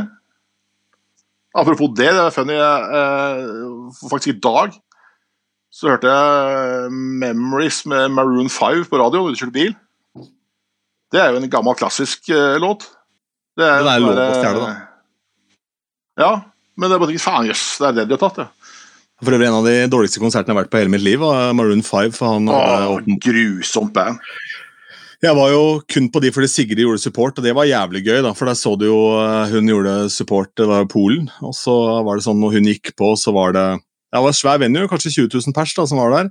Da hun gikk på, så var det 4000, og så fikk du liksom de første 40-50 mobilene, og når hun da var ferdig med settet sitt, så var det 11 000-12 000 telefoner som filma som foregikk. Så det var morsomt. Det var en leksjon i Ja, showmanship fra norske Sigrid. altså. Det var jævlig gøy. Så Jeg, jeg husker sånn, Før mobiltelefonen kom, det var, da var det bra å være på party. ja, fordi For, det, for da var alle mer fokusert på hva som skjedde. Jeg husker vi var på eh, Inner City i Amsterdam. Eh, det året Rank One Airwave var eh, som det temalåta til, til, til kvelden. Og Ferry Corsen det var, Før Ferry Corson skulle spille, så var det et band som het, eh, Hybrid, som breakbeat-band fra England. Folk var med, men de sto og venta, og så bare dimmer i lyset. Det er 35 000 mennesker, og så er det bare Og så ser du alle sammen mister ikke sant? Jeg får gåsehud når jeg snakker om det her nå. Det er helt gærent. Det, der. det er det sjukeste jeg har opplevd noen gang. Og det fins jo heldigvis på tape, for det settet fra Korsen ble jo la Ja, ja, det er ute. Og det, Det er jævlig. det Det, er helt, det er helt og på den- og, på, og på den tida så, så var jo uh, Testo skulle spille etter Ferry. Men han hang jo også og drakk ved baren i salen, der, liksom, og Armin var der og hang ut. Og han kom med, med så siden nå var det kone, da. De var begynt å date da, liksom. Så da var jo de, de, Armin var jo nobody den gangen, og Tiesto var jo nobody egentlig i Holland òg, fordi han skulle spille på The Party, så var han jo ikke noe svær. Så han kunne gå rundt i crowden, ingen kom bort og snakka til ham, ingen visste hvem han var. Det er jo helt sjukt, for han gjorde jo Inner City-skiva året før, faktisk. Året før. før. Ja, Men det, bare, det var først da det tok av. da, altså, Og det var vel det første landet hvor Tiesto ble ordentlig svær, var jo Norge. Ja, det var, jo Lars og de som dro med opp til Det, var, er jo Lars Holte sin, for mye av den fortjenesten er jo Lars Holte som er eh, Så ringte han opp på, på privatnummer som sto bakpå den første uh, Magic-CD-en, var det vel. Mm. Og eh, etter jeg hvis jeg husker helt feil, så måtte vel Lars forskuttere penger fra plateselskapet han jobba på, så de skulle få lov å presse mer CD-er. For de hadde ikke spent å presse CD. Å, fy faen, det er sjukt. Det er vel litt av storyen der, så det, så det er mye, mye funny shit oppi noen åra. Men hvordan er det, altså, Har du hatt noe forhold til disse gutta etter at de blei superstjerner? Eh, de du booka, så er de kule fremdeles, eller har det gått til huet på det, eller hvordan, hvordan er Ja, det? ja, ja, ja, ja. ja, ja de er gode folk. Det er jo Hver gang jeg treffer Beltiesto, så er det, det er akkurat som det var for 20 år siden når du satt på puben. Liksom. Det er ikke noe forskjell. Ja, Men det er jo mye vanskeligere å at, Men han har, jo, han har jo litt mer eh, folk rundt seg da. Mm. Uh, Kelly Cobb, han som er roadmanager, han er jo en kanonkar, han også. Det er, noen, det er liksom litt uh, Og så er det jo alltid noen eh, amerikanere som ofte henger med, som er litt snedige, men det er greit nok. Mm. Jo, jo, men da, det blir jo sånn, da, fordi han er jo en global superstjerne. blitt Det er jo helt absurd, det han holder på med. så. Men det var jo mye enklere å booke DJ før i tida, når du kunne ta opp telefonen og ringe de, Mm. istedenfor å gå gjennom fem management. Og, så det er ikke rart det blir dyrt. Nei, nei, nei, nei, nei, du gæren. Det er masse folk som skal ha penger. Alle ledd skal være en prosent av cutten, og det er du som da arrangør eller som da kjøper som betaler. Ja, det, er, det, er, det er jo de som skal komme og se på, som betaler for det. Ja, det er derfor billettene er så jævla dyre. For at det, det, det er, Første gang jeg hadde Testo, da tror jeg han fikk 5000 kroner. eller sånt. Og så, så var det noen år etterpå, da, han, da han eh, liksom breaka skikkelig i England. Så da skulle han ha, da skulle han ha pund. Da var det 2000 pund, tror jeg han skulle ha. Og det er jo egentlig nothing. Ja, det er jo var det ja, 25 løk, da. Så var det halvannet år etterpå, da var det i sånn 100 000 kronersklassen. Liksom. Da var det helt crazy. de begynte å dra på det. For da, hadde han, eh, det her, eh, da var det noe management og sånt som skulle ha penger, og så gikk ting til helvete. Ja, i forhold til eh, de jobbene, ja, men det gikk vel greit for han i og for seg, da. Ja, jeg tror, jeg, jeg tror ikke han hadde tjent noe mindre penger hvis han hadde gjort det på en litt annen måte. Nei, det er For så vidt sant. at, eh, at, at bookingagenten skal jo ha 15-20% og så har det et management eh, som skal ha 30 og så har det en business manager som skal ha penger. Og så er det Og så har de også messa folk. Som, sa lydmann, eh, Cohen og, og eh, ha, Han har bra Jeg heter Cohen Pussyman. heter han, Det er et fantastisk bra etternavn. Eh, eh, og så på lyd og lys, og er to stykker, så har du med seg Kelly. Så alle skal jo ha lønn, Mm. og det går jo av potten hans. Ja, det gjør jo i for seg det, da. Men jeg vet ikke hva han kan ta i hyre om dagen. Ja, men det er jo fort noen Rønner vel på der. Det Vegas-greiene er jo Det er å le hele veien til banken.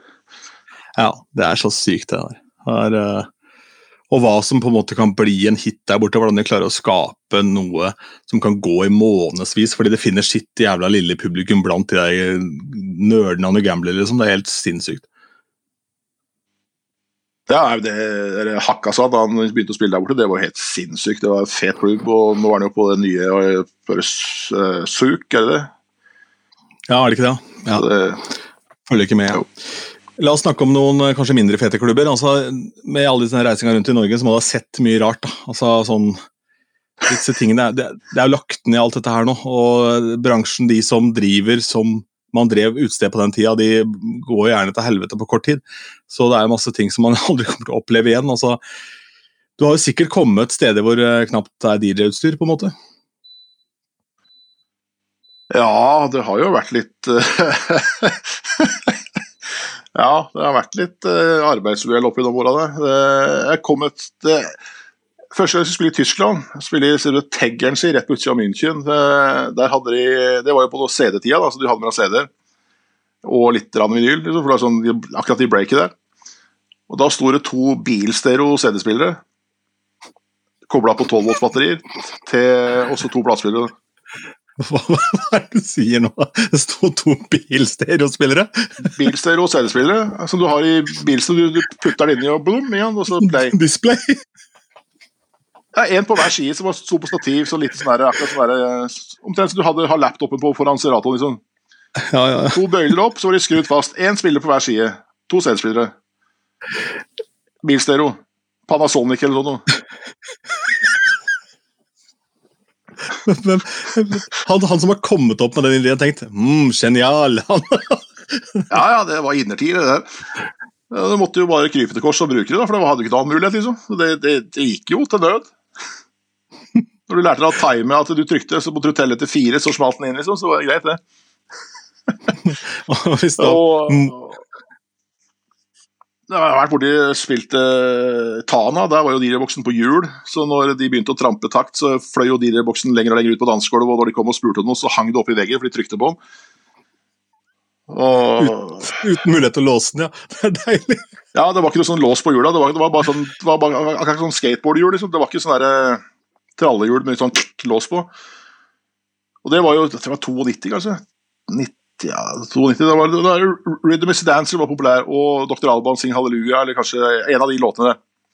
Begge to, eller kanskje en av de Dr. Alban-låtene. Og da når det kom instrumentalversjoner, da, eller instrumentalpartiene, da joika de i hjørnet. Da var det Og de trampa i takt, og det øla fløy veggimellom, og det var jævlig god stemning. Så han, eh, han Kurt som drev stedet, han sa at du er jo søring. Ikke spill samerappi med Banana Airlines, da blir det klosskamp. Og så sier du ingen fare, tror jeg. Nei, det er helt greit, for det er vel, den, er vel sånn, vi er lei av joik og ustemt gitar, så vi, nei, vi er lei av vi er lei av joik og ustemt, så vi, vi rapper vi rapper Ja. joik på festene vi har, et eller annet greier. Det likte ikke noe særlig, da. Men det var greit Nei, det- Pitana, altså, det var eh, fint, det. Det er så bra du sier, altså, det er så deilig å følge opp med den setningen. at du sier, ja, ja, altså, DJ-boksen var på hjul, og du måtte ikke spille den, for det var slåssing, og det var joiking i hjørnet, og det var drikking over lavskap. Men det var greit i Tana.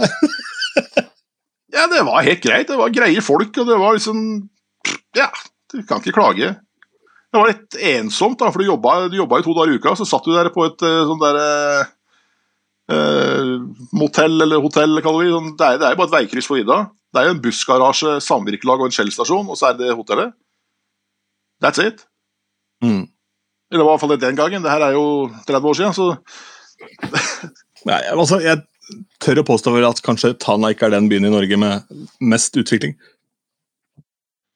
Jeg veit ikke. Og så var det en da du hoppa på bussen til Vadsø og trodde du kom til um, New York ikke sant, i forhold. Så det, det, var, var god stemning. Hvordan er det da å reise rundt, for man sender jo ut en rider hva man på en måte vil ha og sånn, men du Ikke den gangen der. Ikke det hele tatt. Nei, men altså, Det, da var Bookingbyrå satt på en måte, om ikke krav, så fortalte de ikke hvordan ting burde være i det hele tatt. Nei, men de, de forventa jo at, du, at de hadde ting i orden. Ja, nettopp, ja. Tillit. Og det er jo altså, Du lærte jo fort det, da. Du må ta med deg egne stifter. Det er jo sånn første bud. Ta med deg egne pickuper til, til plassspillerne, for at det er jo alltid noe fishy. Og øh, hvis du var i sånn der noenlunde Ikke reiste for langt hjemmefra, så hadde du kanskje mer av en platespiller i en, øh, en koffert. Fordi det var alltid noe, en pitch som var gående, eller en platespiller som ikke virka, så var det alltid så da sto du der. sant? Mm. Og eh, Nordbooking hadde jo et sånt eget eh, skal vi kalle for Disco World, som bygde masse nattklubber i Norge. En, eh, Tiffany i Oslo, uh, Steffen i Arendal uh, Alle de der Bonaparte-greiene. Spider i Askim. Mm. Det var der jeg begynte. ja, jeg har spilt på Spider i Askim, jeg ja. òg. Alfred på Hønefoss, tenker jeg. Det var helt likt. Ja, det, er samme, det hadde liksom samme opplegget. De hadde de der Mercury-mikserne, to bladspillere, en Cytronic-mikser eller noe. Og så mm. var det Cytronic-forsterkere og samme opplegg overalt. Så du kom til det greia der. Men så var det da noen steder da, som var utenom det systemet, og da kunne du komme til litt blanda drops. Mm. Spesielt var et sted som het uh, Tracks Disco på Roa. Uh, jeg kjørte forbi der for ikke så lenge siden, oppe på Lemar, der jeg spilte der. Sånn, det, det var, det, var en, en som het John Ma, en kineser, som drev, hadde Kina i St. Gørstasjen, så hadde han disko i andre etasje. Og leiligheten sin i også var i annen så jeg måtte sove på sofaen hos han da når jeg skulle spille der oppe. Det var jo jævla stas. Tragisk. uh, tok toget opp på fredag, uh, og så uh, så jeg på sofaen til lørdag. og Så fikk jeg faren min til å komme, til å komme og hente meg på natta da, på lørdag etter stengetid. Da satt han og halvsov i bilen, så kjørte han meg hjem etterpå. Det er jo Fra Roa til Skien, det er vel fire timer eller noe? Mm. Så det, Han har jobba for penga, han, men det er greit. Men der var det sånn der, Han hadde jo fått masse utstyr fra Kina, i hatt lys og sånn. Så det var jo helt tragisk. Mm. Og, det, det, det, er mange fritidsklubber som har bedre utstyr enn en, noen utesteder på den tida der. Ja, for det er jo også ting fra Kina nå. Hvis du plukker litt, så trenger det ikke å være det verste i verden, men på den tida så var det jo faktisk helt ræva, da absolutt alt. Det var jo omtrent som å sammenligne med da, hvis du skulle kjøpe deg en skjorte på eBay som er størrelse dobbel X, og så trenger du 13 X-er på den for at det skal bli noe greie på. Ja, ja, jeg har, jeg har gått på den smellen. ja, jeg, men, eh, men, der oppe på, på det, der, der, der, var det, der hadde den sånne uh, bilbatterier til de her, for altså 12 volts-lys hadde kjøpt. Så det var bilbatterier, ja. og så hadde den en sånn dings i stikkontakten og så en sånn batterilader som sto på de batteriene. da. Så Det var jo én øl i det som spraka og knitra og knatta, og det var helt krise. Ja, det er jo én ting, men en annen ting er jo da dersom det skulle ta fyr. Det er jo jævlig, jævlig brannfelle fra helvete. Ja, Nå tikker det inn meldinger her også fra Freddy Johansen i Kristiansand. Han trenger musikk. Det er god stemning. Få se mot den, da. Ja. ok. Har du den og den låta? Ja, jeg har det. Jeg skal ordne det for deg. Ja, ikke sant. Der kan du se. Ehm, men eh, hvordan forbereder man seg på når man skal reise rundt litt, da? Fordi du har jo sett helt sinnssykt mye. Jeg tenker at eh, Det er jo sikkert DJs nå som hører på dette, som akkurat har begynt å gjøre sine første spillejobber. Hva er det man bør unngå for å ikke gå i de samme jævla fellene du har gått i? Da, sånn i forhold til, er det, er, det, noen røde flagg her som man kan se etter sånn hvis man ringer, det ringer en eller annen ivrig jævla lyst til å booke deg? da? Det er jo bare å være hyggelig, og så ikke, ikke være så jævla høy på pæra. Ikke tro du er best. Altså, eller vær litt ydmyk når du går inn og sier at eh, Spør hva de er ute etter først. så ikke de Hvis de vil ha en klubbgreie, så spør du okay, hva slags klubbgreie tenker du på. Tenker du på type Avicii, Tiesto og sånne ting? Eller skal du ha Jegerpakka, liksom? Mm. Og det, det, er der at hvis folk, folk kan ofte kalle Avicii for tekno. For det er jo 4-4-bit. Det er dunk, dunk, dunk. Og, floor, ja. Så det er det er liksom litt van... De, ofte de du snakker med som driver klubben, som ikke har 100% snøring på den musikken de egentlig vil ha, de skal bare ha folk skal danse og ha det gøy. Så Du må liksom prøve å luke ut av de hva de egentlig er ute etter, før du kommer, så ikke du går på en smell og står og spiller den pakka som du har fått beskjed om å spille, som er helt feil. Hvordan løser man den? Sitt, nei, det, det, det, er jo å prøve å feile litt, det òg, da. Altså, Jeg har sittet med folk på telefon der som sagt den låta her, da, kan du spille den? Ja, det er kult, sier de. Den her, da, nei, det er ikke riktig. Men så er det samme låta. Bare litt ja. lenger uti. Ikke sant? Ja. Så det er jo Det er trist. Det, det, det er, det er så, sånn som jeg alltid har gjort det, eller sånn som vi gjorde for 20 år siden, eller når vi reiser ut og spilte for Booking, så da gønna du på første kvelden. For å vise at det var en ny For da, den gangen så spilte jo DJ-en en måned på hvert sted. Så når det kom en ny dyr, skulle vise at det var en ny, så, ikke, så, så fikk de kanskje litt sjokk første kvelden, og så tona det kanskje ned kvelden etterpå. Og var litt mer eh, mainstream. Mm. Jeg glemte å spørre om det i stad, men det var egentlig Ja, sorry. Nei, kjør på. Ja, nei, ta og Fortsett med den der, fordi det her er egentlig en litt sånn trackback til noe vi snakka om for en time siden. Så ta, det er Hva sa du? Nei, jeg glemte hele tankegangen. Det er jo Ja, sorry. Men hvordan var overgangen? Det var egentlig det jeg skulle spørre om, for det var jo et spørsmål som mangla i stad, helt åpenbart. Men du gjorde disse DMC-tingene. Hvordan var overgangen å gå fra scratching og hiphop-land og breakbeat-land over til klubb og trans og klubb-verden, som du da endte opp i ganske kraftig der en periode? Jeg spilte jo noe hiphop-sett innimellom òg. Og jeg syns det er kult å gjøre det enda. Hvis du får muligheten, så er det gøy å ta med seg et par pakker vinyl og spille hiphop. Liksom. Men jeg har jo ikke peiling på det nye hiphopen. Så, så, hvis du spør meg om Migos og, og uh, Travis Scott eller hva noe, da har jeg ikke snøring. Kendrick mm. Lamar har jeg, kan jeg være borti, men altså, jeg kan ikke det nye greiene. Jeg må spille Public Enemy eller Cool J, Third Base, Boogie Down Productions, Gangstar den greia der, det kan jeg gjøre et sett på, liksom, men, men ny hiphop har jeg ikke peiling på.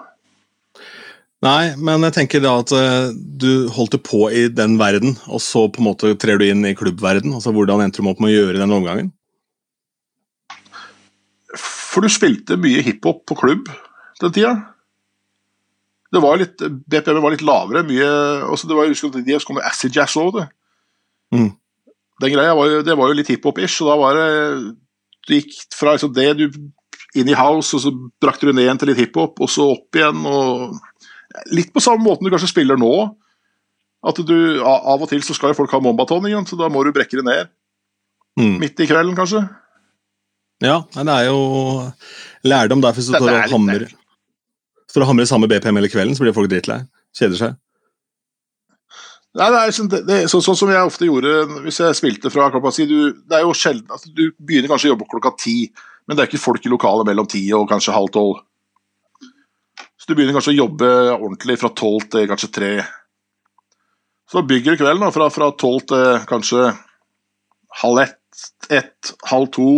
Så er det kanskje, piker du kanskje sånn kvart på to-to, så knekker du kanskje ned igjen kvarters tid med noe R&B, hiphop, eh, mombaton, eh, noen slegere for damene.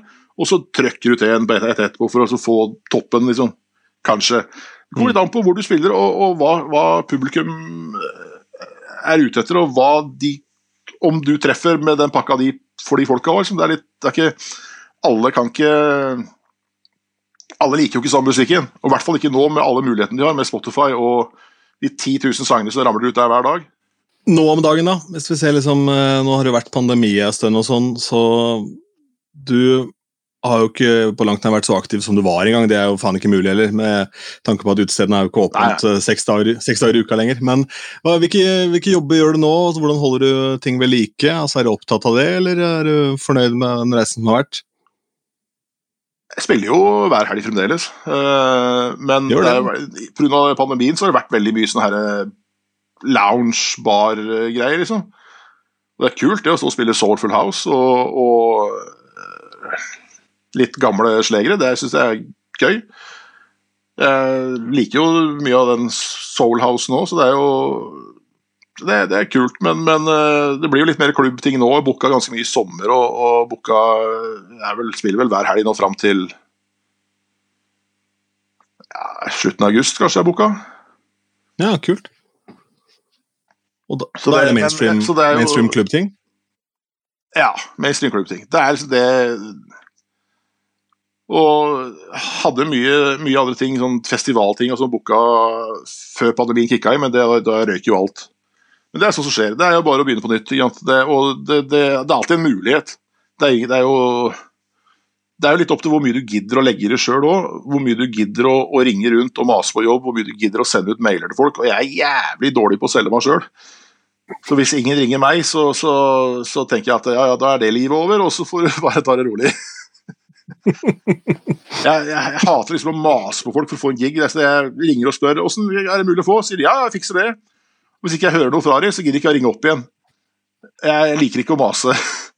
Jeg hørte faktisk Det er en eh, greie der, fordi jeg hørte en eh, DJ i USA som tok for seg et spørsmål som har kommet i et sånt forum. Da. Eh, og det, gikk på hvordan skal jeg forholde meg til venues som enten har hus-DJs altså Nå snakker vi for, f.eks. om bryllup. da, Det er det jeg snakker om, dette er mobile DJs. da, ikke sant? Bryllup eller 50 Ja. eller hva faen det er. Forholde seg til da enten venues som har faste avtaler med DJs, eh, hvor da brudeparet ditt eh, sliter med å selge deg inn, eller hvordan skal jeg forholde meg til venues som har fullt lydanlegg og foreslår bare å koble til en playlist. Det også er visst veldig vanlig i staten at det har sitt eget opplegg. da. Eh, og da sa han DJ-en det at eh, det er så jævlig viktig at du blir booka pga. skillsa dine, og ikke pga.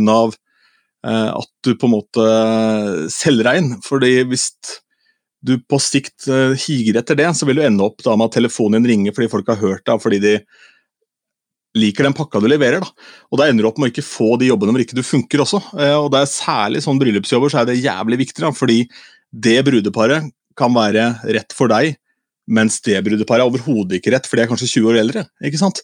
Eh, bryllup er jo ikke bryllup. ja. Så her er man Ja, da inne på noe jævla altså- viktig. da. Men det er liksom det at du jeg, jeg, jeg sier ikke at jeg skal selge meg inn til, til å spille i klesbutikken på, på Oslo City, liksom. det er ikke det som er greia. Men det er kule gigger av og til, å gjøre sånne jobber. Hvis du kan liksom stå, og groove, det er greit, det. Nei, men, Men- Telefonen din eh, ringer jo fordi du har gjort gode jobber i, tidligere ikke sant? fra folk som kjenner deg. så du, Kalenderen blir på et vis Ja. opp. Du slipper liksom å haie jobber på steder som kanskje ikke din pakke funker. da. Ja, så stort sett så går det greit. Men det er jo men det, det som også hvis du, skal ha, øh, hvis du tenker på sånn, sånne type At det er en venue som har en DJ som er fast, og så skal et bryllup være der, er det det du tenker på? Ja, det var det det var snakk om i det tilfellet her, da. Men altså, i forhold til det du snakka om, så handler jo dette her om at, eh, at eh, du får jo bookinger fordi du har gjort bra jobber tidligere og kjenner folk fra gammelt av og liksom leverer en fin pudding. da, Og Jo, jo, de jo, liker den. Og det er jo jævlig, Hvis man da er en av de DJ-ene som det sikkert er sinnssykt mange som gjør, jeg opplever det litt, jeg booker på noen steder og så får en god del mailer fra folk som sånn Jeg har spilt det og det, og så har de jo null å vise til. ikke sant? Og da er det så lett for meg Jeg, jeg, kan, jeg, kan jo, jeg kan jo bare jeg kan ta det fra det at når jeg satt på i Stavanger og fikk jo da 100 mail i uka, eller ikke 100, men 15-20, kanskje 30 mail i uka av folk som ville spille, eh, så svarte jeg jo at ja, eh, det er en mulighet, men eh, nå er vi booka tre måneder fram i tid, så jeg kan dessverre ikke hjelpe deg akkurat nå. Men hvis du sender meg en mail inn om en par-tre måneder, så kanskje vi kan få til noe. Det st- stort sett det jeg svarte. Og når det da kom en mail uka etterpå igjen, åssen ligger han nå? Da ble du sletta fra greia, for da orka jeg ikke maset. Nei. Men hvis vi da leide ut lokalet til et, for eksempel et eventfirma eller noen sånne som ville ha en spesiell pakke, så var det null problem at de hadde med seg sin egen DJ. Hvis de hadde sitt publikum, og så er det, null problem. Men hvis det skulle være et arrangement for offentlig for alle, så måtte den DJ-en da eventuelt ta en prat med meg på forhånd, og så vi ble litt enige om hvordan det skulle være. Og så eventuelt at eh, jeg var der den kvelden og bare sjekka at alt gikk som det skulle. Men de som da tok opp den tråden igjen da, etter tre måneder og på en måte fulgte opp, eh, hvor mange prosent av de du hadde sagt til at de skulle ta kontakt om tre måneder, var det som gjorde det, eller som tenkte faen? Altså, og regner med det bare skulle være Ja, sånn det, var mange, det var mange som tok kontakt, og de fleste klarte jeg å få skvisa inn. Ja, kult. Uh, type ja, Bamba, Reno, uh, Bjørn Matzold, Sjur Saks, uh, Adil Akrimi, Tor David Vik, David Kaspedes uh, Ja, altså det alle du, Og flesteparten av de spilte ofte etter hvert, og de fikk liksom Ikke faste helger, men det ble liksom Fordi de kom inn i rotasjon. Men dessverre så er det, Det jo, jo sånn hos mange Det var jo også da noen som spilte, og som du måtte be gå midt i kvelden. Det var et par stykker eh, som var sånn Å, faen i helvete, dette er krise. Men du heiv de også da inn på kanskje en tirsdag-onsdag der det ikke var packed, så de fikk prøve seg først, og så Ja. Det er dessverre mange steder som ikke blir booka av eh, som blir bare av folk som skal bare ha noen til å spille musikk. da, ikke sant? Og da er det, så, det er jo helt umulig også å få funnet ut om det stedet er et sted du bør spille på, som passer deg i det hele tatt. Alle disse tingene her, da. Men det var også ofte sånn før at det var, det var ofte mange gamle DJs som var eh, jobba på nattklubbene rundt omkring i Norge før, som var som daglig leder og sånn. Og det var ikke alltid like gøy å komme og spille for de, for de hadde ikke spilt sånn type musikk som du spilte. De var litt mer sånn tjo hei hæla i taket. Alle sammen kom og syng, liksom. Og, så, og da, da, skulle de lære å spille hele tida, og det var litt plagsomt. Ja, det er jo et helvete.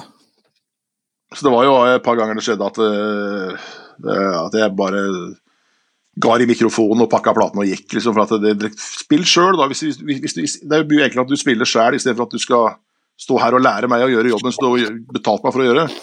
Da er det bedre at ja. du beholder de penga, og så spiller du sjøl. ja. Nei, jeg ble booka til eh, hva var det?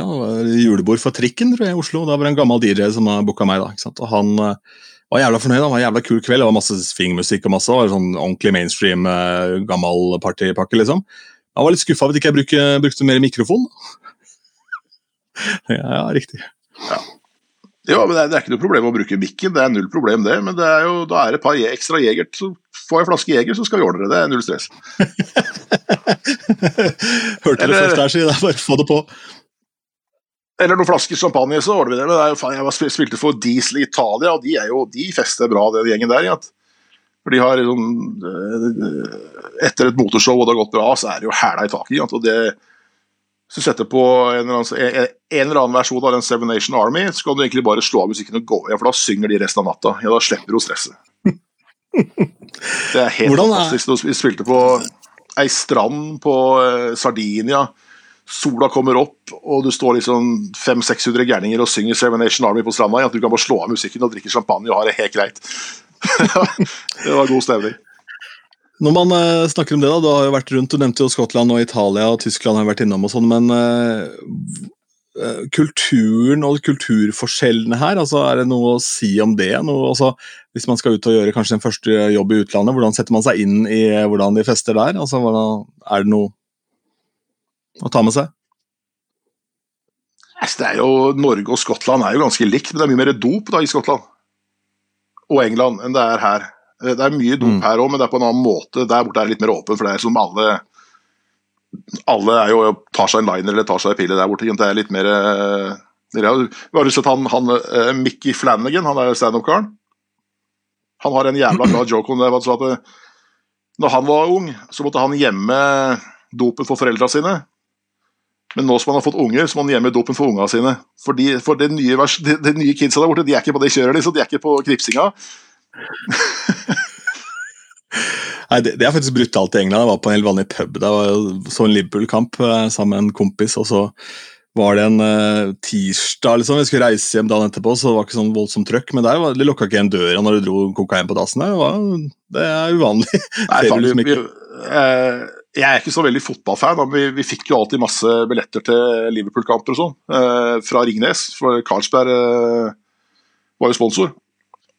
Og da eh, var vi på en eller annen pub uh, ikke så langt fra Ranfield, Anfield, heter det det? Ja. ja. Og i den puben eh, kosta det 1 pund 20 pence for en pint. Og den var stappfull av folk, men de hadde kanskje fire tenner på deling. Det var liksom Det var jo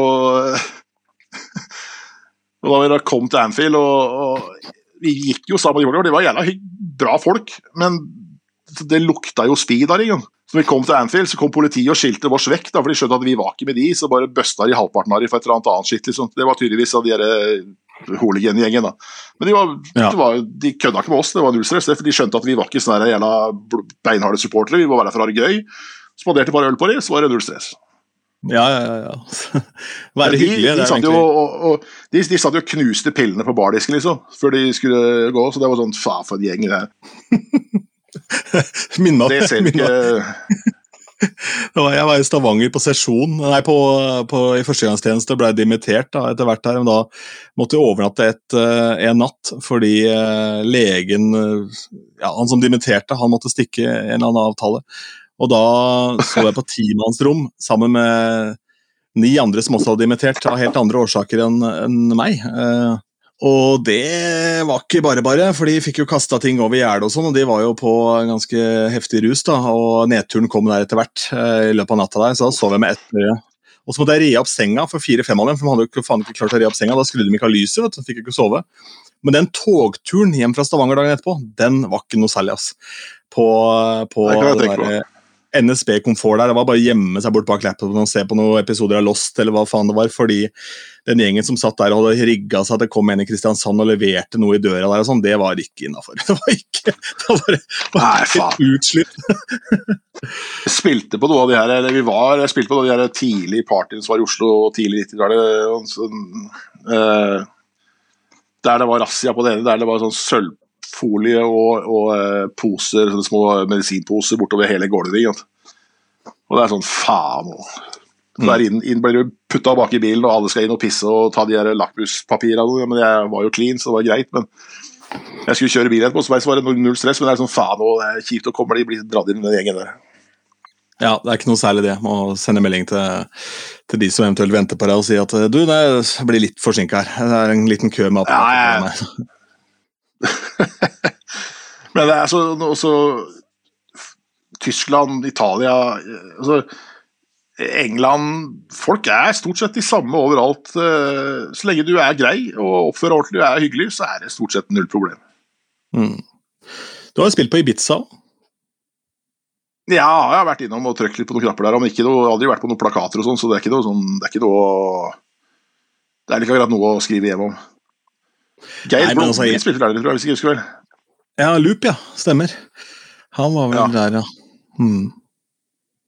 DJ Loop, Han ja, han gjorde har ikke tenkt på lenge siden jeg har tenkt på. Han jobba, på, han jobba, han jobba på Ark, Ar, Ar, Arcade Records, var det det var på? Edel. Edel? Ok, ja. Samme. Mm.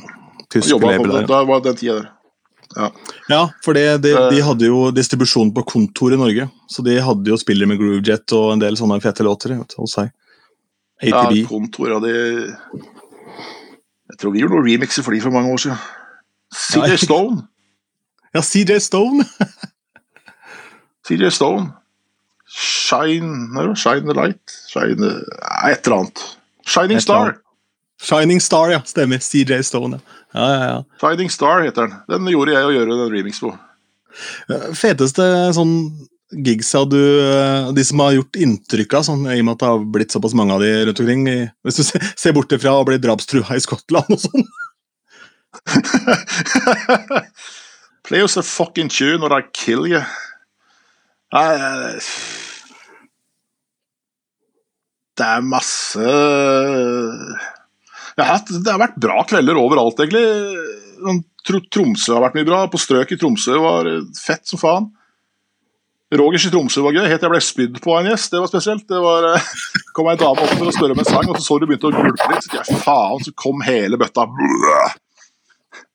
Hadde jeg spy fra halsen og ned til terning.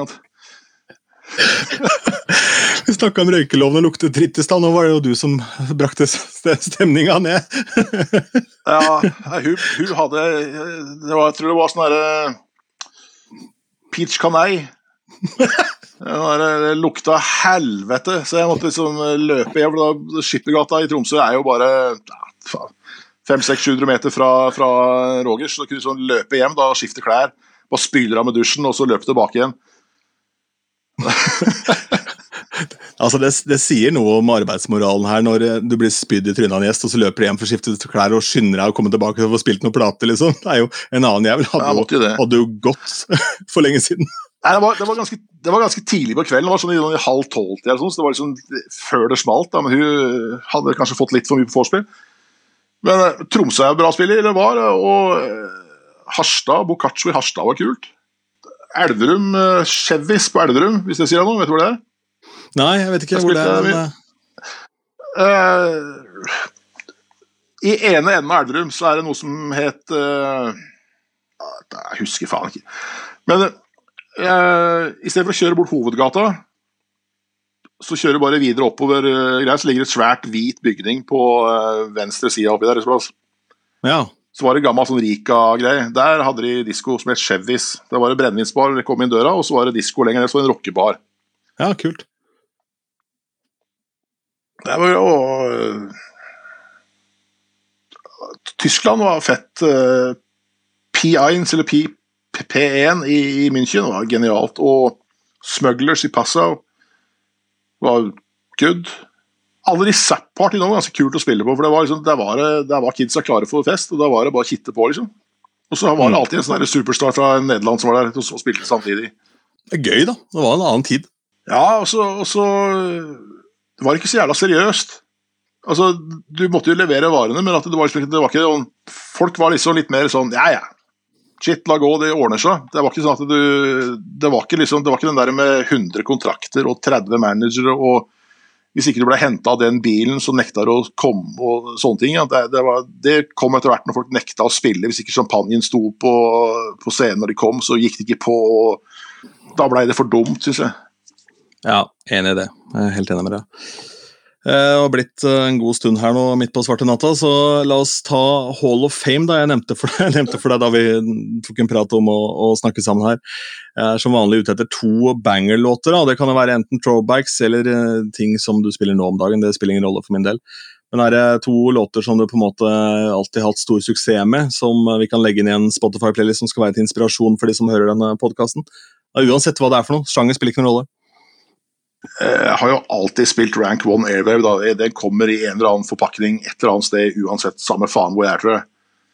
Jeg syns den låta er helt genial. Ja, det er Og der, banger, altså. der, der er Tenaglia Music is the answer i en eller annen form for remix. Og den har jo også blitt gjort i masse forskjellige coverversjoner etterpå som er kanonbra. liksom. Men, det er, men du nevnte før at du hadde spilt på uh, Spider Yashim. Mhm. Er det lenge siden? Ja, det var jo tilbake det første stedet jeg var resident, så er det tilbake i år 2000-ish. Ja, faen, tid vi var, vi var der borte. Det var, vært, det var før det. Det har vært i tidlig 90-tallet, slutten av 80-tallet. Ja, eh, For det- For når, når du, du, du nevnte at du likte Deppers Mode, og på søndagen der, eller mandag eller søndag, så var det ungdomsdisko der borte. Og da kunne du spille Deppers Mode hele jævla kvelden. Alle sammen så ut som uh, han der eh, Martin, uh, heter han, Martin Gore, eller er det? Han, Martin Lee Gore, ja. alle, alle sammen hadde sånne uh, vide bukser, oppretta greier. Dr. Martins og, og skinnjakker. Liksom. Alle sammen kom inn, det var, og den sveisen. Hele jævla byen. Alle kidsa. Dette er jo generasjonen til brutter'n, for han er noen år eldre enn meg. Men ja, det kan stemme, det, for han var Deppers-fan. Og en bookingagent som heter Erik Lottrup, eh, Erik Lott, en DJ i tillegg, da, som uh, ordna å jobbe for meg nå. Forrige gang jeg så trynet hans, det var på Deppers Mode-konsert etter Deppers Mode i København. så Ja, det er jeg nok digger det. Deppers Mode det er kanonbra. Jeg er ikke så blodfan som deg og Trym, liksom, men at det, det, det kommer en eller annen remix av et par av de låtene av og til som er bare kanon. Igjen. Ja, Originalen er jo genial. er jo- Men, ja, men det er et eller annet med For de har både det der big room-soundet på alt de gjør, så alt kan omfes opp noe så sinnssykt, eller tas helt Ja. ned. Ja, Og det er jævla fett, altså. Ja, så det det, det, sp- sp- spilte Depeche Mode, Nitzereb, Front 242 og det, det var det som gikk på de der ungdomsklubbene der borte. Og så var det et par sånne der småhits innimellom. Da ble de der eh, emo-kidsa sure, og så måtte du bare på, igjen med Depeche Mode. Da var det greit. Herlig.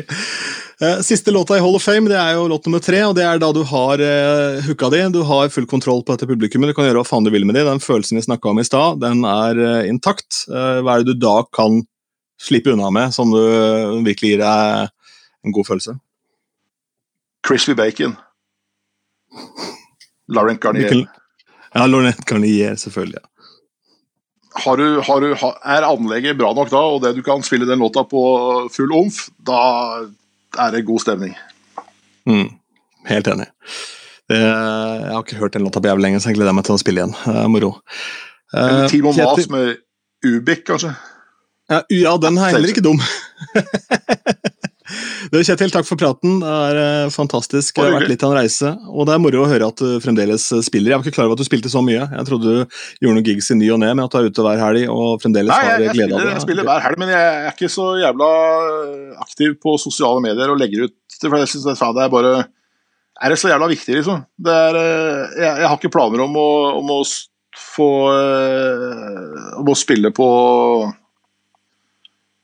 eh, ja, det, er, det er ikke om å gjøre å spille på eh, Low Parade, eller det er jo lagt ned, men sånn, det er ikke det er ikke det som ja, altså- driver meg. liksom. Nå er det egentlig bare, nå er det egentlig bare musikken som jeg syns er kul å spille. Og så du har jo ofte litt sånn kjedelige kvelder òg, der du står og spiller at faen, i dag kunne jeg godt vært hjemme på sofaen, liksom, for at her er det null initiativ. Det er kanskje litt lite folk i den der baren eller den der loungen du spiller på.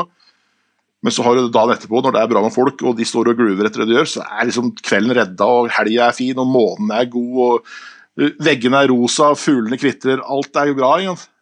Mm. Og så er det de Det kveldene som da blir liksom eh, Hvor dritt blir til gull. Det er kanskje lite folk i lokalet. Jeg hadde en torsdag her jeg var eh, på Majorstua på Old Irish, hvor det var 50 pers i lokalet. og Jævlig lav lyd da jeg kom. liksom jeg tenkte her må jeg bare begynne helt fra bånn og se om jeg klarer å få laga noe stemning. Og så ender det opp med at siste Nei, det, var, det her var torsdag, ja det er samme faen. Men i hvert fall det, på siste timen så er det kanskje seks personer i lokalet. da. Eh, men de koser seg som helvete, da, de seks personene. Du bare gir jernet, liksom. Fra to til tre på en torsdag. Uh, og da kommer den ene opp og bare 'det var jævlig gøy', og sånn. Og så ender hun opp med å få da et julebord på den jobben, da, i i et advokatkontor hvor hun jobber. da. Og det er jo typ en gig til 12-15 løk. sånn bare fordi Ja, ja. du ga jernet den timen, ikke sant? Eh, og ikke Ja, ja, det er sånn, det. samme som jeg sa til deg sist, at jeg spilte for russen for et par uker siden.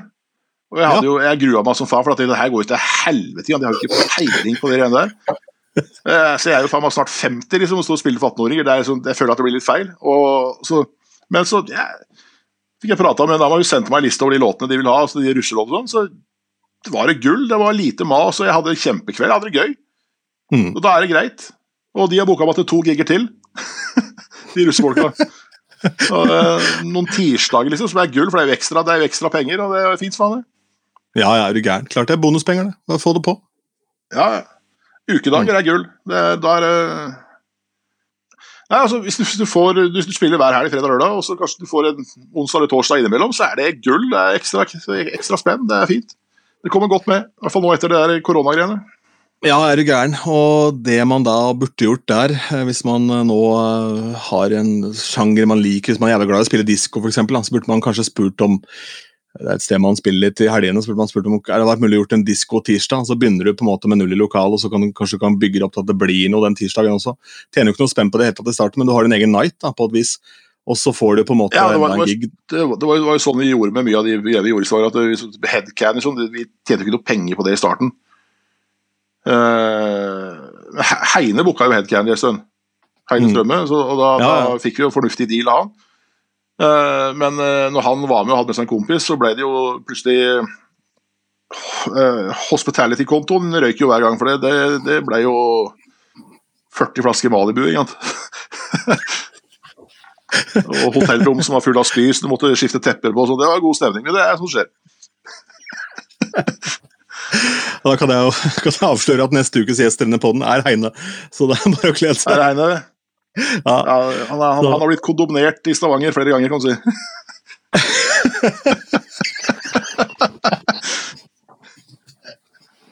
Deilig. Ja, Heine er en god mann, han. Altså. Det jo, jeg spilte jo ni år på rad på Palmesus. For han, eller, siste året var ikke han der, men jeg, var, jeg spilte tiårsjubileum, og så har jeg liksom trukket meg tilbake etterpå. For det at det var han, han som var the man, og da er det greit å være litt lojal.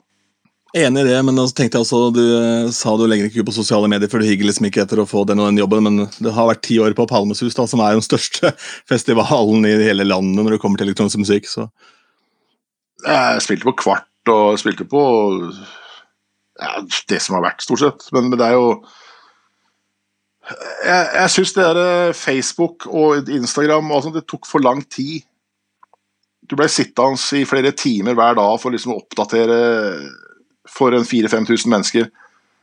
Så Det er så jævla viktig. Kan dere sende meg en melding, så dere svarer i hva som skjer? det er, det. Her, eh, Ja, jeg er helt enig. Er bare å ta er liksom- kontakt, da. Og så nå, nå må du liksom ha Du må ha et bra produkt for å legge ut for at det skal være kult å se. Du må, liksom, det må se proft ut. Og jeg er jo teknisk handikappa, for meg så er jo det helt på trynet. Jeg skjønner ingenting. Jeg er en eh, analog dude i en digital verden. Det funker dårlig, det. Dinosaur heter det. Ja, det jo.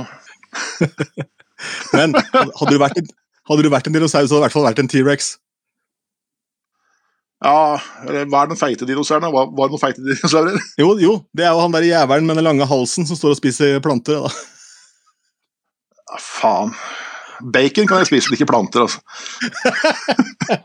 ja, det får bli siste ord. Ja, det er godt. Herlig. Ha det. Du har hørt Platekusk, podkasten om norske DJs.